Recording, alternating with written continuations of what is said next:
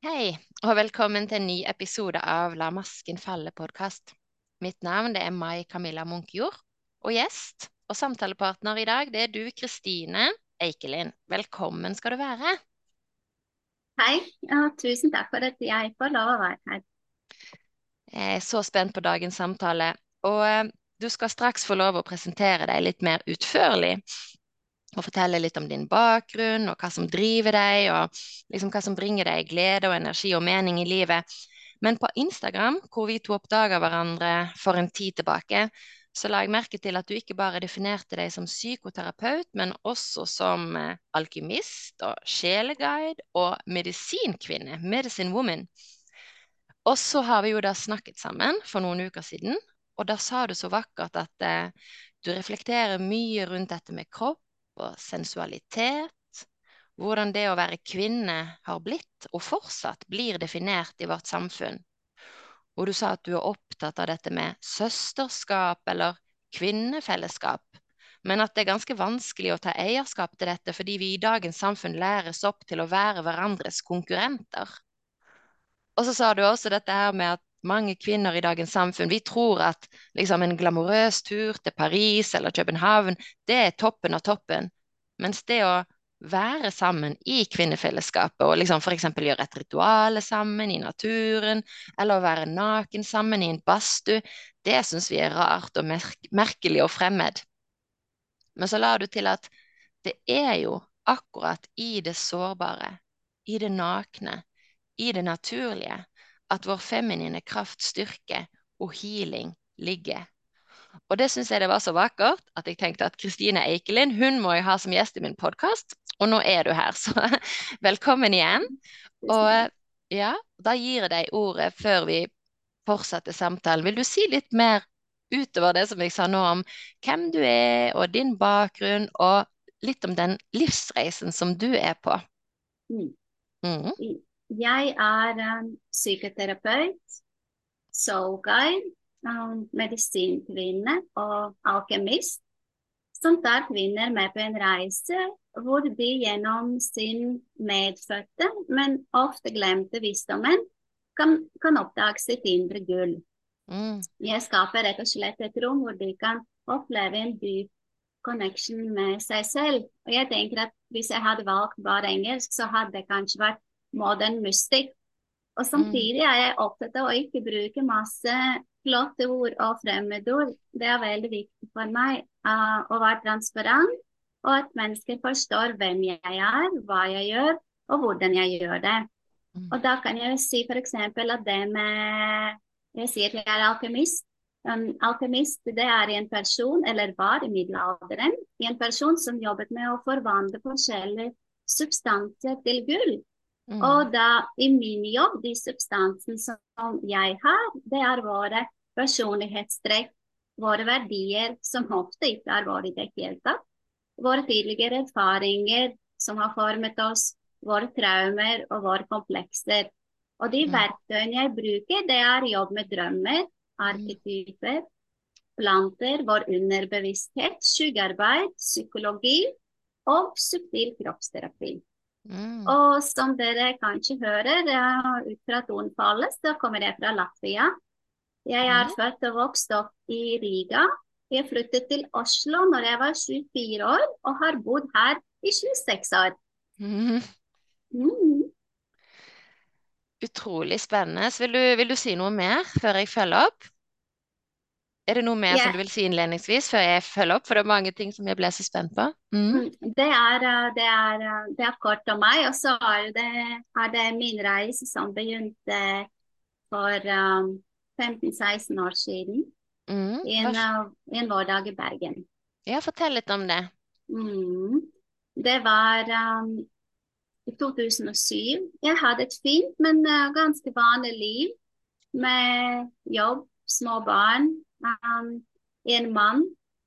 Og slik, uh, slik jeg pleier å gjøre, uh, gikk jeg en tur, en, uh, en, tur, og plutselig bare så jeg for oppmerksomhet på en blomst som vokser gjennom asfaltsprekken. Jeg tror mm. det var hestepo Mm. Og, noe, og nå trekker meg mot den blomsten, og jeg blir helt fascinert. Og jeg stopper opp, og, og jeg bare skjønner at det er noen, det er noe spesielt, uten jeg klarer å sette ord på det.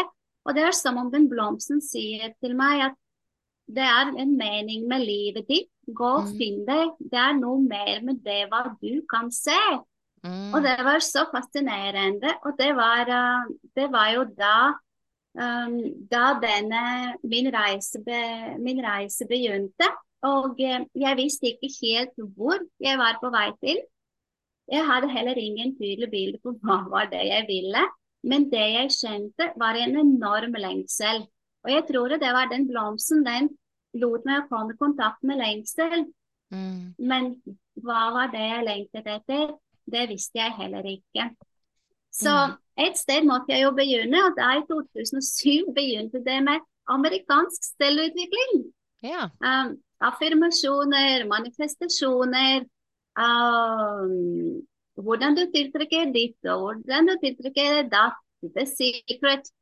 Jeg lærte mye om uh, tankens kraft, men for meg føltes det at det var ikke der nøkkelen ligger.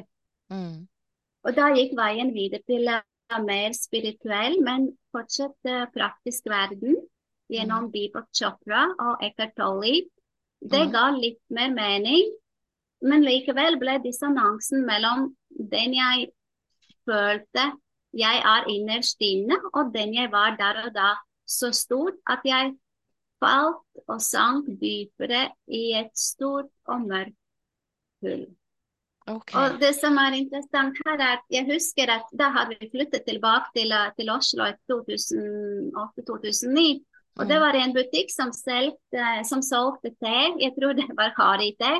Og på hver teboks sto det på en spirituell måte hva den teen var til. For eksempel sto det 'inner connection', mm. uh, 'mystery of desire', Mm. One with everything. Within mm. and without. Og jeg får nok gåsehud når jeg sier det, fordi jeg husker disse navnene, og fordi jeg kan gjenkalle med hele kroppen hva jeg følte når jeg sto og leste disse navnene. Og det mm. var de som ga meg en pekepinn på hva var det, og hvor det var jeg ville, selv om jeg ikke forsto det helt. Det var den lengselen etter inner connection, one with everything, den var så stor. Og jeg bare gråt når jeg leste disse enkle setningene på T-boksene. Og da snakker jo vi om 2008-2009, ikke sant? Mm. I en tid hvor det spirituelle ikke var så utbredt um, som det er i dag. Mm. Og et spennende før vi går videre, dette med at du så viktige budskap i omgivelsene dine. sant? Altså det første viktige tegnet når du på en måte ny, når livet ditt tok en ny vending, det var denne hestehoven og vi har jo alle sett hestehover og løvetenner som kom gjennom asfalten, men det var på en måte en helt spesiell hestehov som kom gjennom asfalten på en helt spesiell måte. Og der du stoppet opp og kjente at dette er noe som jeg skal lytte til. Så, og som du sa da, det er noe mer det er noe mer. Eh, livet er noe mer enn å ha det veldig veldig travelt sikkert da, med mann og barn og jobb og i det hele tatt dette her hamsterhjulet som veldig mange er i dagens samfunn. Og, og, så sier du på en måte at så begynte du med personlig utvikling på den måten som var tilgjengelig for deg. Affirmasjoner og law of attraction og hvordan på en måte dette med tankens kraft. Og så fant du ikke Nei, det var liksom ikke helt. Og så sier du så jobbet du videre i en mer spirituell retning, men det var fremdeles ikke helt. Og det som da er interessant, det var jo at, eller jeg blant annet synes er interessant, er sant, at jobber man og jobber man, men så er man ikke helt på riktig spor. Og så blir det mørkere og mørkere inni og mer og mer håpløst, og en jobber og jobber, men det blir bare verre, liksom, inntil du da står foran disse boksene med te, altså disse eskene med te. Og det syns jeg også er så spennende, sant, for vi tror ofte at at visdommen den er langt borte og i en veldig vanskelig bok eller en veldig vanskelig utdanning eller et eller annet sted der ute. Og så, jeg, så handler det for deg egentlig bare om å åpne øynene i den tebutikken og lese hva som sto på den boksen, og så kjenne der resonnerte det.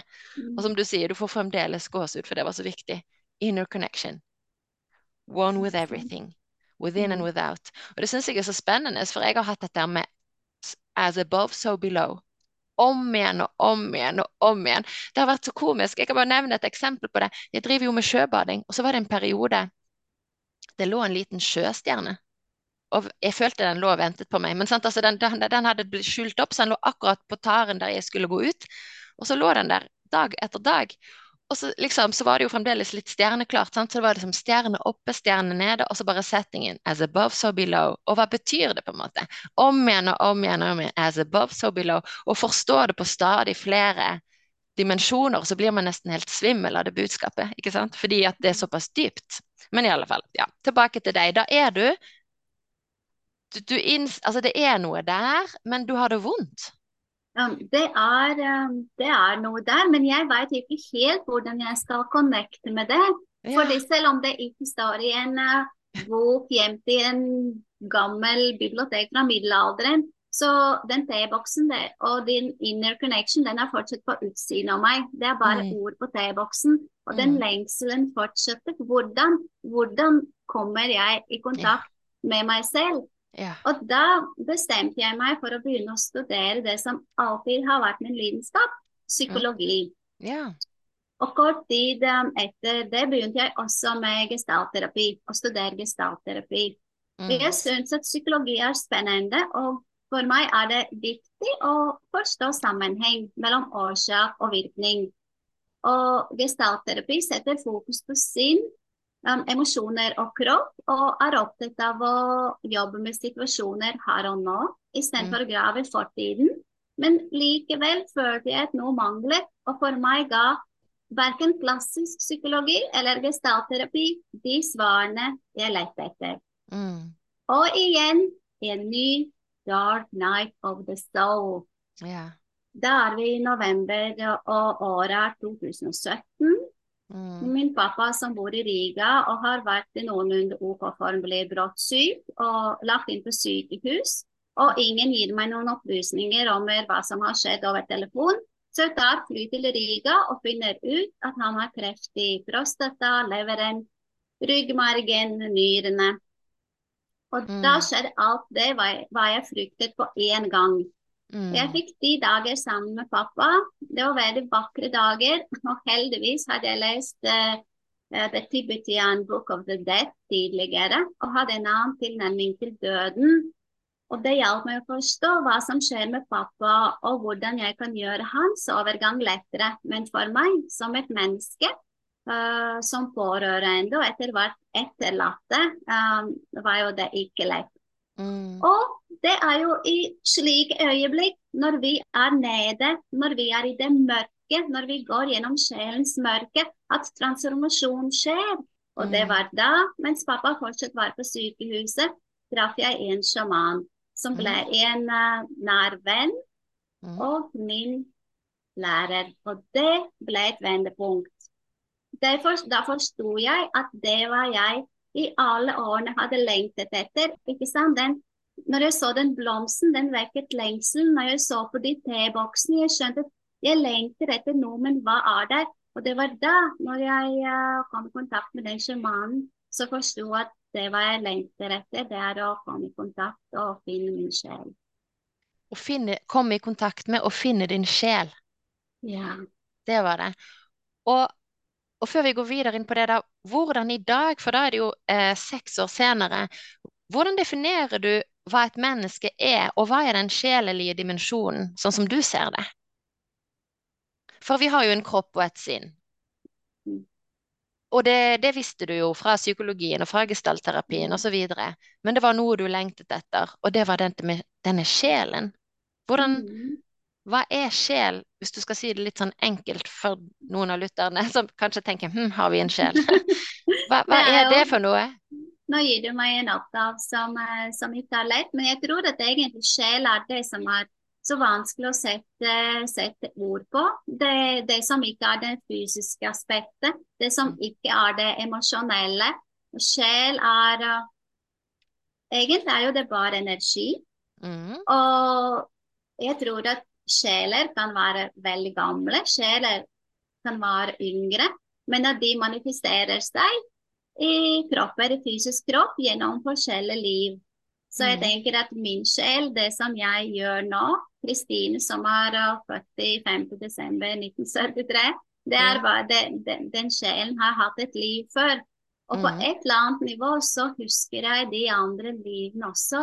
Um, fordi det er det som hjelper meg det er, det er, det som hjelper meg fremover. Og det er mm. det som gjør at jeg er den jeg er i dag. Mm.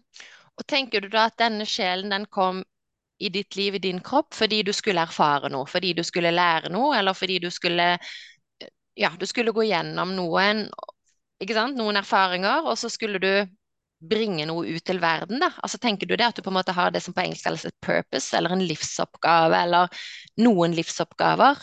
Noe som skaper Og det er det kanskje da som skaper glede og fryd og mening? Ja, mm, ja absolutt. Ja.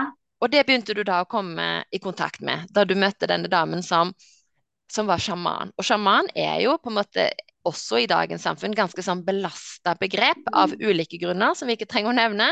Men hva, For du nevnte jo Medicine Woman i starten, og jeg tenker er det dette med medisinkvinne, dette med å tenke tilbake til naturen, tilbake til dyr og planter og trær og denne hestehoven, er det noe der, på en måte? Altså Handler sjamanisme, er det en vei tilbake til sjelen og naturen og vår sanne natur, vår indre mm. natur og ytre natur? Er det noe der, eller hvordan, du, hvordan definerer du sjamanisme nå?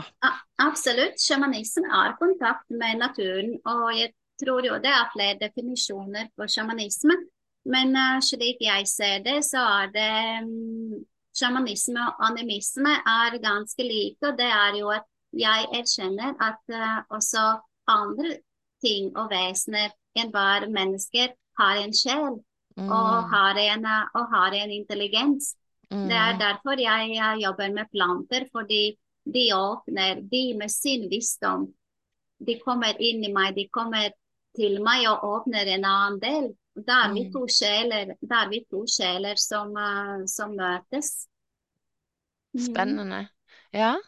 Vil du si litt om det, da? Hva, hva, hva gjorde denne reisen? Du møtte henne, og så ble dere venner, og etter hvert så ble hun din lærer. Og hva er noe av det du har lært, og hva er noe av det du da praktiserer i dag gjennom dette som du sier med plantemedisin og, og dette med å tone seg inn på jeg vet ikke, altså de egenskapene og den intelligensen som en del av plantene har. Jeg bare tenker bare en sånn en enkel parallell for, uh, for noen av lytterne, det kan være dette med eteriske oljer. For eteriske oljer er det jo ganske mye sånn allmenn interesse for, og man kjenner at duften eller kvaliteten til en eterisk olje gjør noe med oss. Den setter oss i en stemning. Sant? Noen setter på den eteriske oljen når de skal konsentrere seg, og de, de tar den eh, eteriske når de skal slappe av. Eh, de tar den når de skal finne sitt eget mot. Altså Det er bare for å liksom alminneliggjøre det mm. litt at egentlig uten å tenke om det, så er det ganske mange, også såkalt ikke-spirituelle, som er åpne for at lukt og dufter og planter kan ha noen kvaliteter som påvirker oss. Men hvor, hvordan ble din reise inn i dette? Nei, det er eh, For det første, du har jo helt rett. Eh, og jeg tenker at siden jeg erkjenner at naturen også har en sjel, så er det ikke bare den fysiske delen av planter, som har f.eks. en te av solbærblader eller lindblomster, lindblomster når jeg er forkjølet, for å hele den fysiske kroppen. Og det er ikke bare bruk av eteriske oljer. Uh, peppermynt hvis jeg vil kvikne opp, eller sitrus eller lavendel hvis jeg vil føle ro. Men for mm. meg er det også den sjelen, plant spirit. Mm. Og da er jo det, da er det forskjellige nivåer. Hvis vi, hvis vi virkelig gjør det med intensjon og går her bødig til verks, så kan vi ha en F.eks.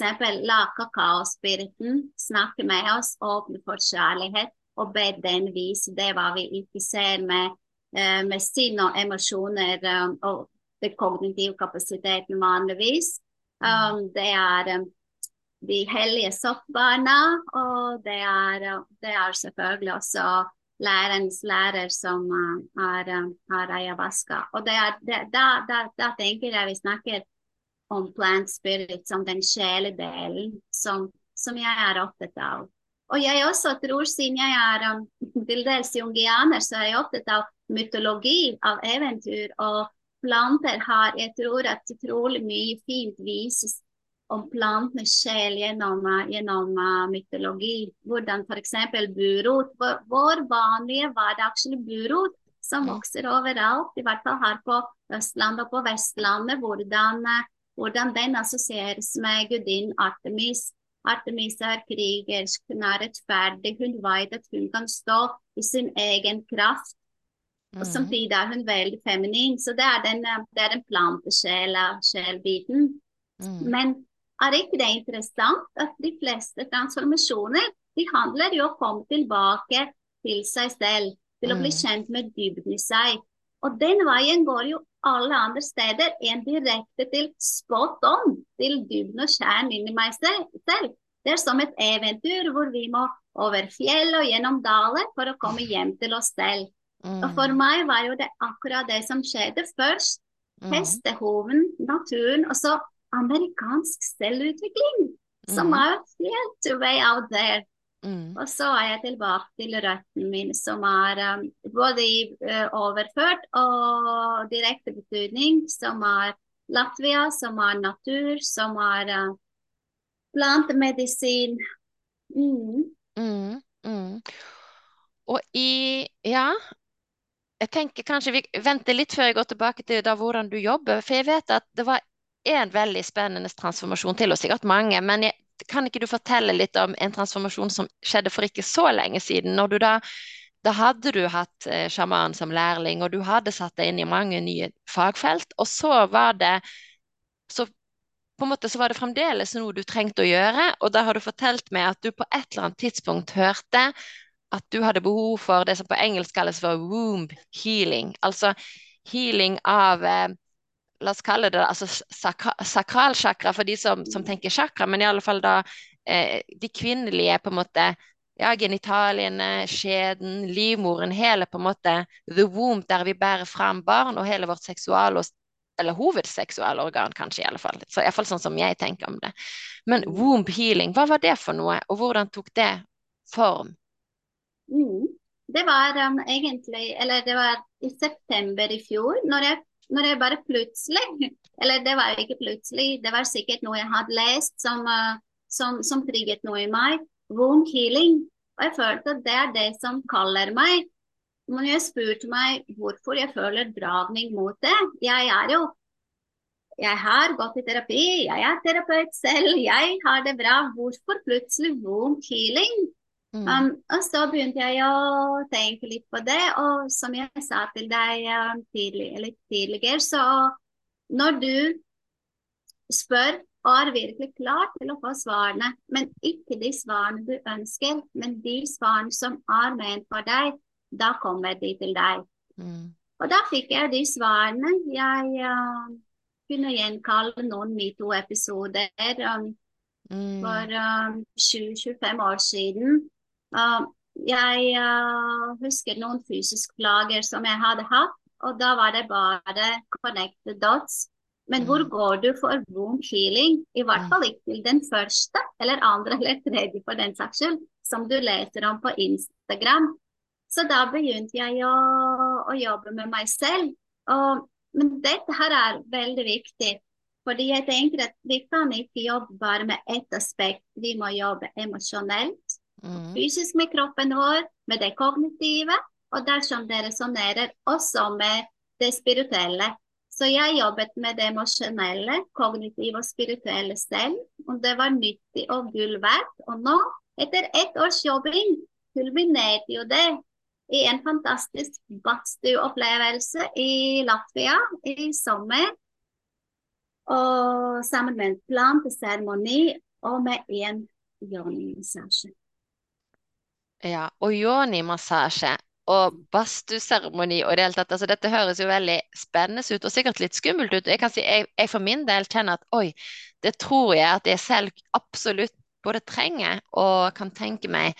Um, fordi jeg selv har jo ulike sånn, altså Jeg har fremdeles utrygghet i egen kropp. Jeg har fremdeles kroppslige minner av, av overgrep som jeg ble utsatt for når jeg var liten. Og jeg har på en måte reprodusert smerten ubevisst i lang tid. Og jeg har fortalt det før, jeg hadde en lang periode hvor jeg definerte meg som aseksuell. Og nå da, når jeg skal prøve å finne tryggheten i meg selv og min egen seksualitet, men i mitt ekteskap nummer to, der det jo har vært mye frykt veldig lenge, så det er ganske det er ganske mange på en måte stengsler eller barrierer eller frykter og humper i veien som jeg skal eh, møte, rett og slett. Apropos sånn som du sa, at eh, en reise den er jo over, over høye fjeller og, og dype skoger.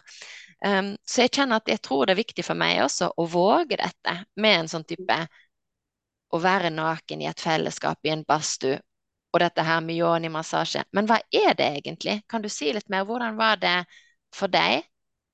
Og hva er det egentlig? Hva skjer? Mm. Jeg, eh, jeg, vil si uh, kort om uh, badstue først, fordi det var, uh, det var et riktig stepping stone til, uh, til, det som skjedde videre. Og mm. vi alle kjenner jo til badstue, men det som er spesielt med latvisk badstue, det er at planter har hovedrolle der. Mm. Plantene tilpasses årstiden og intensjonen til den som går i badstue. Og det er ikke bare vanlig badstue, det er en, det er en ritual som varer fra eh, mellom tre og seks timer og består av flere runder eller deler. Vår energi blir renset, vi får kroppsskrubb, vi har flere ganger ut av badstue for temperaturkontrast i vann eller kaldkulp som, uh, som ligger like ved badstue og vi får um, honningmassasje. Og også badstue er jo en slags alkemi. Naturelementene er til stede uh, i høyeste grad. Ild, det er jo varmen i badstue. Jord, det er gjennom plantens nærvær. Vann, gjennom vann som brukes i badstue. Og luft gjennom dampen.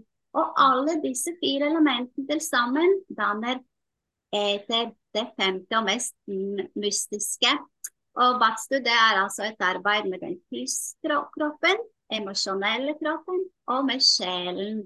Og det er jo veldig, det er veldig sanselig uh, opplevelse. Mm. Uh, bare tenk hvordan det dufter i badstue når varmen og fuktighet får ut og frem alle aromaene i, um, i plantene og blomster. Og i tillegg er det en nakenopplevelse. Mm. I den betydning at som regel så går man uh, naken i, i badstue. Mm. Og det var da når jeg var i den badstue-ritualen, jeg fikk en helt annen opplevelse av min kropp. Og jeg har jo tenkt at jeg er ganske frigjort. Jeg um, er sensuell, jeg er seksuell, jeg er lidenskapelig. Men etter hvert har jeg skjønt at jeg er det ut fra det hvordan samfunnet har fortalt meg hva sensuell, hva seksuell, hva lidenskapelig er. Men det mm. å være naken i badstue sammen med fem andre kvinner og én mann, å og kjenne på renheten og den purheten av min egen kropp og sensualitet, og tør å være sårbar i en slik setning, kjenne samtidig hvor naturlig det er, å erfare et slik situasjon selv om jeg er naken, har ingenting med sex og seksualitet å gjøre. Bare være det, og være naturlig strippet for makeup i direkte og, og overført betydning. Uh, strippet for konkurranseinstinkt. Um, det er at jeg ikke føler at jeg må dra inn mage eller ta skulderen med tilbake og brusten opp fordi jeg er naken og jeg vil ta meg være godt ut. Det er så helende.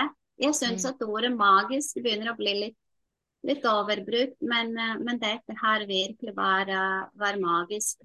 Og når jeg satt der på, i badstua på, på, benken og masserte kroppen min med honning, det mest sensuelle jeg har opplevd noensinne, ja, da tenkte jeg dette her er the goddess. Dette ja. er søsterskap, og jeg får gåsehud når jeg sier det igjen.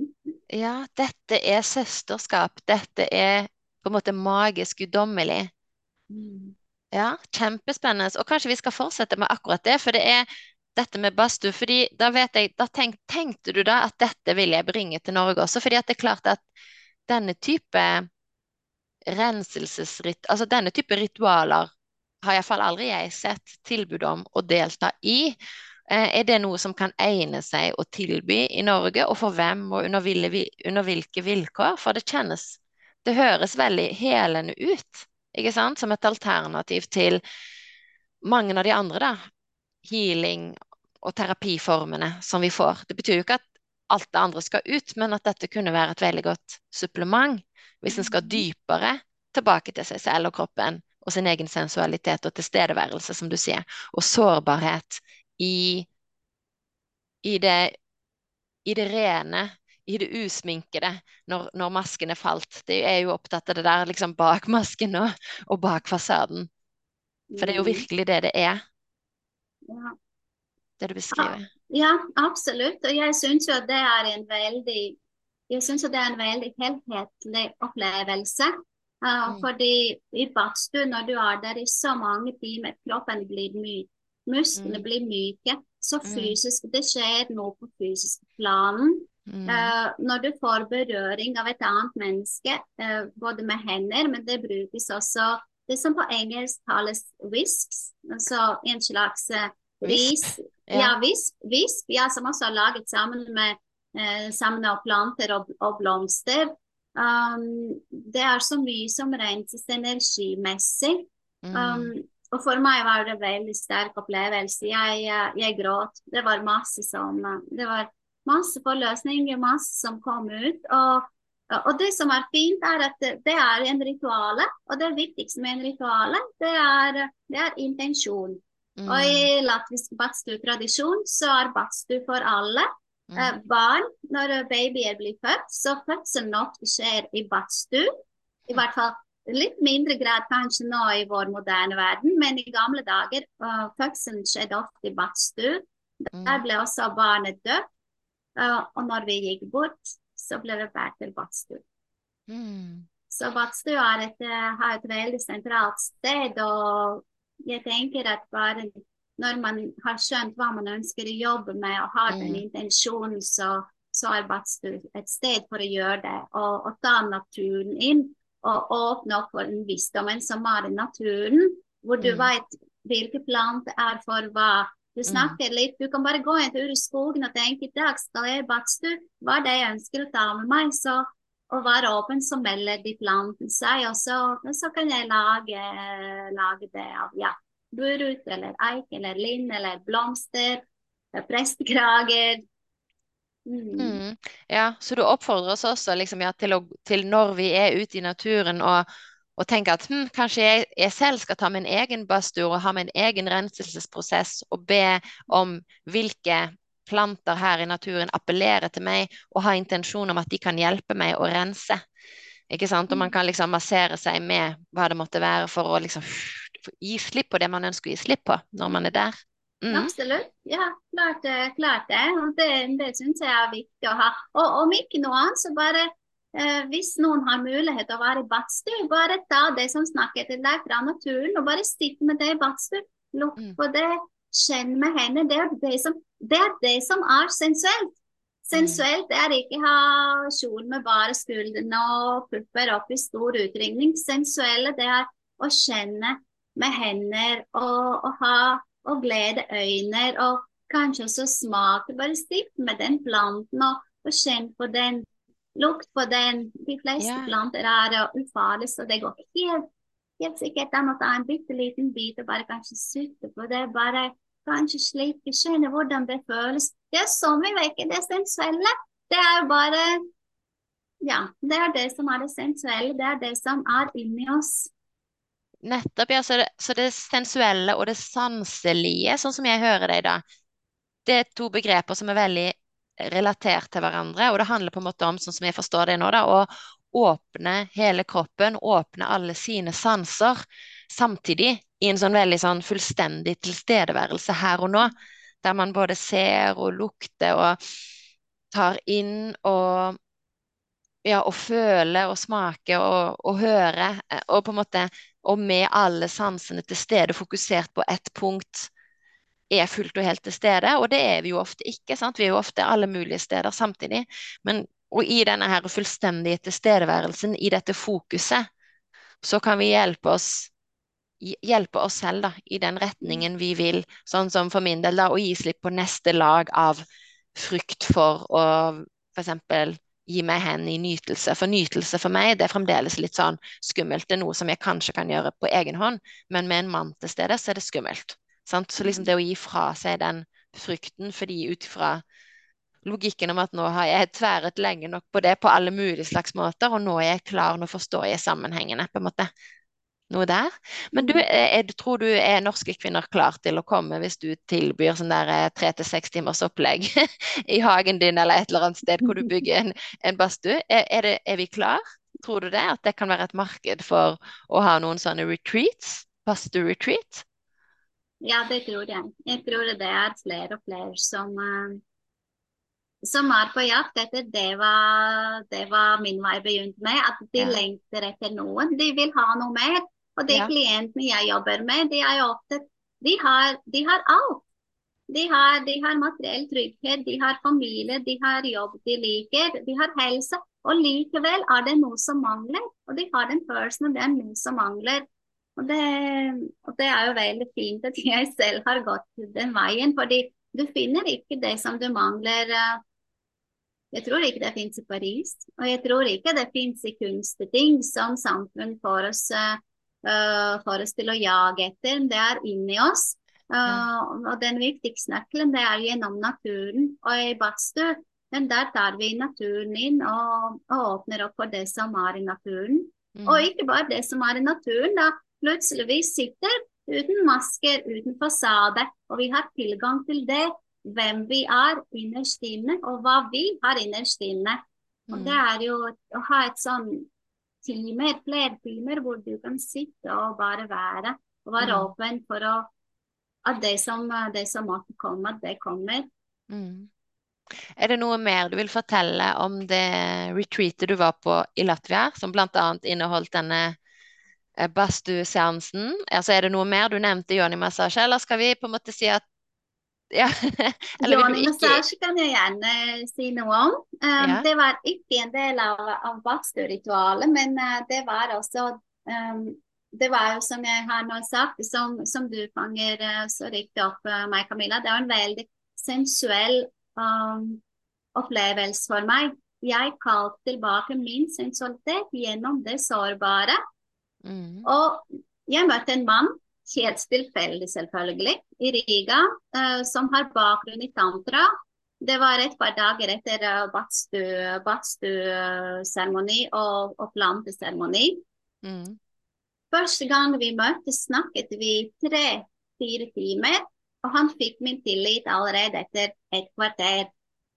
Og det er interessant dette her, ikke sant? Fordi um, når jeg skjønte at jeg ønsker um, healing for et år siden, så leste jeg og, og, og sjekket litt hvem jeg kunne gå til, og de alle var kvinner, men ingen resonnerte. Og nå, etter bare et kvarters samtale, er jeg klar. Det er Ja. snakk om, eh, snakk om divine, divine timing. Ja. Og jeg visste jo at jeg var klar over at i en, eh, en sånn prosess som yoni-massasje Yoni det betyr på sanskrit um, kilde, hellig sted. Det er også kvinnens underliv.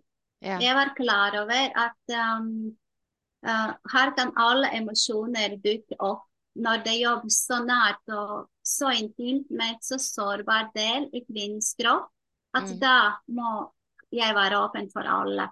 Det kan være.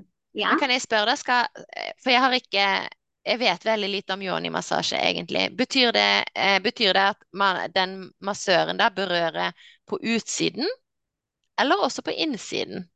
Han berører også på innsiden. Han, Ja. eh, han jobber med vulva. Ja, hele vulva. utsiden. Ja, både på utsiden og innsiden. Og det var kanskje det som skapte, for min del, det var det som skapte trygghet og tillit. At uh, veldig klare og tydelige grenser. Han forklarte hva, hva han gjør. Og, og jeg, jeg bare måtte forsikre meg. OK, det er bare henne du jobber med, ikke noe annet. Og Mm. nei, og han sa at hvis jeg vil ha noe mer, så er det vel tydelig nei fra ham. Mm. Fordi han, er, han gjør bare det hva jeg gjør. Og jeg skal straks si hvorfor den tanken, hvorfor han sa hvis jeg vil ha noe mer. Det er fordi at, som jeg sa, at all slags emosjoner kan jo komme opp. Ja. Og det er naturlig å tenke at det kan være sinne. Det kan være raseri, Mm. hjelpeløshet, Skam. skam, Yeah. frukt. Men for meg, det viktigste var å ikke skamme meg og holde tilbake hvis jeg opplever nytelse. Mm. Fordi det er ingen tvil om at dette kan være også en um, erotisk opplevelse. Og det var Mm. da han sa at hvis du, Kristine, sier 'Å, jeg vil ha mer, vær så snill', der går grensen. Ikke, ikke noe mer. Mer, Mm. det er hjemme med mannen din. Dette Mm. her er noe annet. Mm. Og han var også veldig tydelig at når vi jobber sammen, vi er ikke en kvinne, og vi er ikke en mann. Feminin og maskulin energi er til stede. Vi er bare to rene vesener, to mennesker. Um, ja, og jobben var jo Det var eh, jobben jeg har gjort eh, gjennom de siste årene og gjennom, gjennom, gjennom badstueseremoni. Det førte at på slutten av yoni-massasjen jeg begynte å gråte Ja. av glede. Fordi det jeg kjente med hver celle og med hele kroppen min, det var bare Kroppen min ble levende. Jeg kunne kjenne igjen. Og det var som følelse av yes, jeg er her. Jeg har rett til å være her. Og Mm. jeg er den jeg er. En sensuell og en seksuell kvinne som står i min visdom og kraft. Og Mm. ting er å tenke, tenke og gjenta det i hodet sitt og, og gjøre det som affirmasjoner, men noe Mm. helt annet er å oppleve og kjenne det i egen kropp. Med Ja, egen kropp. Og erfare at det er sant, det jeg, det tror jeg veldig mange lengter etter i dagens Mm. samfunn. Det, men en ting da, sant, for du, du, du fortalte jo at, ja, sånn som sant, han sa noe mer det med mannen din, og du har jo en mann. Kjente du, var du engstelig da du skulle spørre han om det var greit? Og hva, hva syns han om det? For det er klart at jeg tror mange, ja, jeg òg kjente liksom, jeg hadde blitt veldig imponert hvis min mann syntes at det var greit. Mm. Ja, du har rett. Jeg, eh, jeg spurte min mann, men min mann han er jo en han er en mann som, eh, som bærer og holder sin maskulinitet på en veldig sunn måte. Det betyr at uh, hans maskulinitet er sterk og støttende. Den er ikke sjalu, og den er ikke, eiers, den er ikke eiersyk. Yeah. Um, og vi har gått mye av vår vei, vi har gått sammen. Vi, har, vi støtter hverandre, vi, um, vi inspirerer hverandre. Um, og, og det er riktig som du sa, jeg spurte, jeg sa til Tom at jeg har mulighet eh, for Johnny-massasje um, i morgen. Hva, hva sier du? Og han sa ja med en gang. Uh, og etterpå når vi snakket, fordi han var ikke der i Latvia, jeg var tre uker alene. Uh, det Mm. var ferie, samtidig var det jobb, fordi jeg gjorde en jobb med meg selv. Men når han kom til, til Riga med barna etter tre uker, uh, så sa han at når jeg spurte om det, så hodet hans, det kognitive, det strittet imot. Det prøvde å bare Hva er det hun sier nå? Mens kroppen hans, og han jobber jo som kropps- og muskelterapeut, han har veldig, var, han har veldig stor varhet både på sin egen og andres kropp. Mens hele Mm. kroppens han, han sa bare Yes, det er det hva Kristine trenger. Ja. Så, og når han møtte meg, han kom til Riga, det var et par dager, to dager etter Joni-massasje, og han sa at det er en helt annen kvinne som, som er der og, og møter ham. Så det var en veldig forløsning for deg. Og du fant tilbake til din kraft, sant? Du sto stødigere i din kraft etterpå. Ja, spennende. Og begynte å, å føle og kjenne kroppen min. Mm. Fordi selv om Ja, det er jo veldig rart hvordan jeg, jeg har jobbet med dette og snakket med, med min lærer om dette. At jeg er, um, og jeg, er- jeg er en veldig sensuell vesen. Jeg har Mm. veldig mye seksualitet, og jeg har veldig mye av uh, ja, Noen kaller det kundalini eller prana. Freud kalte det libido. Men uansett navnet så handler det om selve livskraften, den kreative, transformerende kraften, som på Mm. samme tid både er og ikke er seksuell. Og jeg har veldig mye av denne kraften. Men når den når, tenk, tenk deg når du er en ung jente, når du er 15-16-17 år, når du utvikler, når du blir en blomst som åpner seg. Du er pure, du er ren, fordi du er ikke fokusert på store bryster eller store lepper. Du, du bare er, og den kraften i deg er så naturlig. Og Mm. etter hvert så møter du menn, du møter samfunn som tråkker ned på deg, som utnytter deg. Ja, jeg er menn, men det er også kvinner, bl.a. eldre kvinner med, med sin misunnelse. Det var min opplevelse, dessverre, når jeg var yngre. Mm. Da stenger kroppen ned. Det gjorde Mm. det også for meg. Og, og jeg har jo lurt på at uh, for meg er det veldig viktig å ha den, den sensuelle og seksuelle aspekten i et forhold også. Det er ikke nok å bare være soulmates på et sånn udefinert der, der ute-nivå. Det, det seksuelle er like viktig. og Hvorfor føler jeg ikke med kroppen, din, kroppen min? Um, hvorfor kjenner jeg ikke kroppen min? Og, og det Mm. som skjedde både med badstue og Jan i massasjen, men selvfølgelig helt sikkert alt hva jeg har gjort jo egentlig før, Mm. det, det, var, um, det var veldig forløsende og brakte, brakt meg tilbake til min egen, til min egen kropp. Mm. Veldig spennende. Og nå begynner tiden å liksom gå litt mot eh, Ja, den begynner å gå sånn at vi skal begynne å avrunde. Og derfor tenker jeg, hvordan, hvordan har du da tatt alt dette med deg inn i den måten du jobber på i dag, da? For jeg, sånn som jeg forstår det, så er jo noe av det du er opptatt av, det er jo å hjelpe andre, kanskje både kvinner og menn, til å nettopp komme tilbake til sin egen kropp, komme tilbake til sin egen sensualitet og sanselighet og intimitet og seksuelle kraft.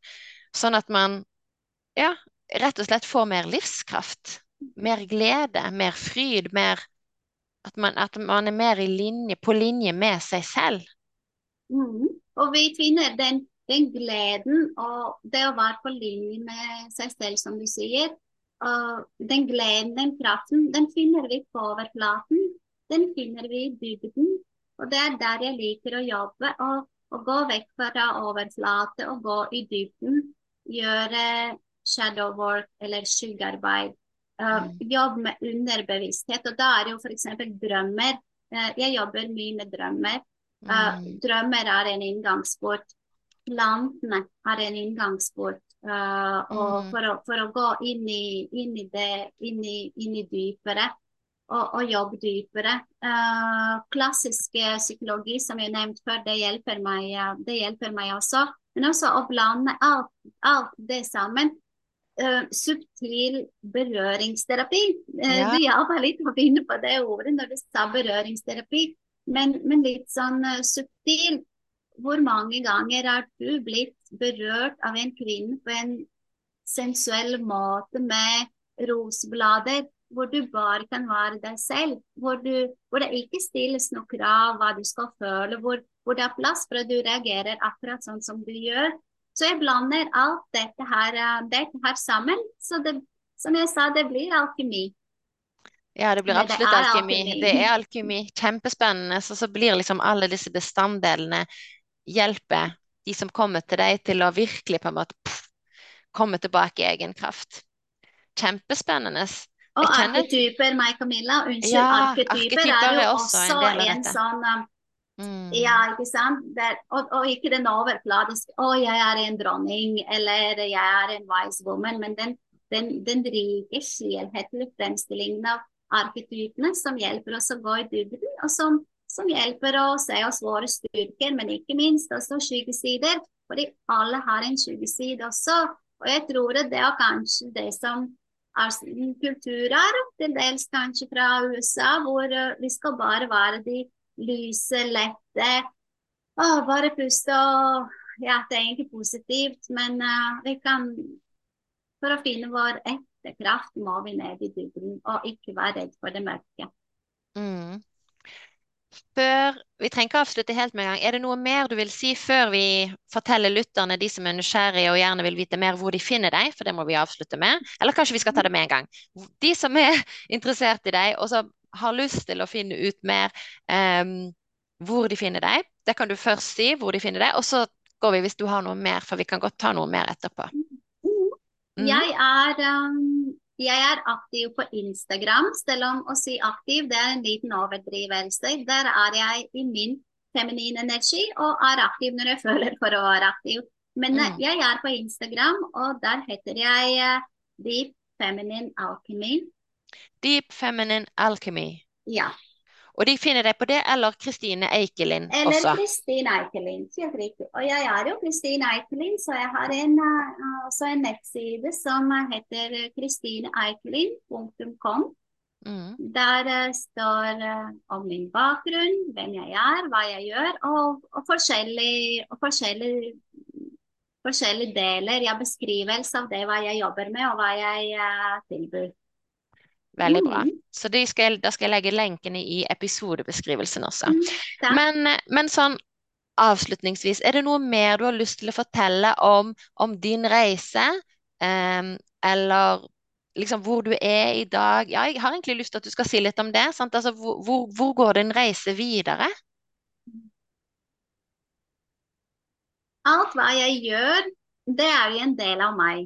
Mm. Og hvis det er greit at jeg forteller kort om to ting som jeg planlegger Absolutt. Uh, fordi det er jo det som jeg planlegger, det er en del av meg. Det er min mm. lidenskap. Jeg har opplevd det som, jeg har opplevd det som helende. Og da tenker jeg at det kan også være nyttig for, uh, for andre. Mm. Og neste sommer, for det første, jobber med, med et produkt med arketyper mm. uh, som skal gå i dybden. I det arbeidet tenker jeg også å ta med planter. Uh, litt vanskelig å si når det blir uh, lansert. fordi som jeg har sagt, jeg jobber på en feminin måte uten push og uten å presse meg selv. Mm. Men jeg tenker at et sted etter uh, over nyttår. Mm. Men neste sommer da planlegger jeg to Fritz i Latvia mm. i naturskjønne omgivelser. Og begge med det som jeg kaller deep feminine som tema. Mm. Den ene retreaten skal være ca. tre-fire dager. Det sentrale her vil være badstueritualet. Mm. Muligens også noe med plantemedisin i en planteseremoni. Og fantastisk storslått ildseremoni, sirkel, uh, med planter for kvinner og, og med altså ildseremoni. Mm. Og den andre retreaten den skal eh, gå ut på å skjemme bort kvinnen i deg. Mm. Også den vil være for, eh, for, kvinner, men det vil være menn som fasiliterer og holder den retreaten. Med badstueritualet, massasje og kroppsbehandling, meditasjon, ekstatisk eh, eller meditativ dans, og kanskje også yoni-massasje for de som ønsker det. Og det mm. vil altså da bare være menn som lager mat, som jobber i badstue, behandler, lager ritualer. Og tanken bak akkurat den retreaten, det er at kvinner skal kunne oppleve hvordan det er å bli sett, og hvordan det er å bli holdt og ivaretatt betingelsesløst, uten at noe som helst forventes tilbake. Og kvinner skal kunne oppleve hvordan de kan uttrykke sin sunne feminine. Ikke det som er manipulerende, at å se på meg, er så deilig, men det sunne feminine. Og samtidig møte og vitne til det sunne maskuline eh, som de mennene tilbyr. Og den røde tråden for begge retreatene, det er å være på et trygt sted eh, hvor man blir holdt, hvor man kan gå dypt inn i sansene sine, få kontakt med kroppen sin, mm. hvor du mm. kan gå, uh, gå til din og finne din feminine essens, hvor du kan gjennomleve akkurat det du kommer i kontakt med der og da, uten å måtte ja, holde tilbake. Og ikke minst oppleve samvær med andre kvinner på en helt annen måte. En slags søsterskap hvor vi er frie, hvor vi kan le, hvor vi kan gråte, være sensuelle, uten å konkurrere med hverandre, eller uten å måtte holde opp fasaden eller masken. Nydelig. Og det ble en utrolig fin avrunding, for da avsluttet vi jo på en måte litt der vi startet. sånn liksom Det ble en fin sirkel, og jeg må si at jeg gleder meg utrolig mye. Jeg har veldig lyst til å være med på begge retreatene. Det er mulig at jeg må velge én av de, sånn av økonomiske årsaker. Men utrolig fin et utrolig godt og spennende tilbud eh, som jeg tror vil være frigjørende for mange.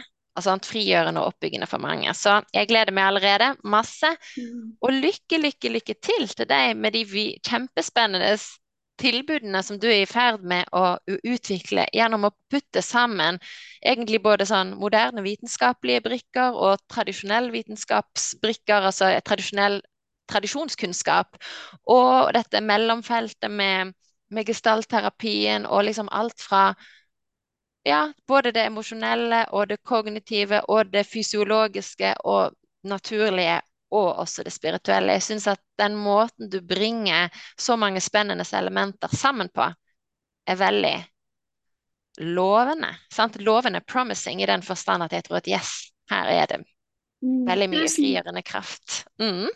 Tusen takk, meg, Camilla. Tusen takk. Det var veldig, veldig hyggelig å, å prate med deg og, og være her sammen med deg. Tusen takk for at du kom, og til lytterne, på gjenhør. Ha det bra. Ha det.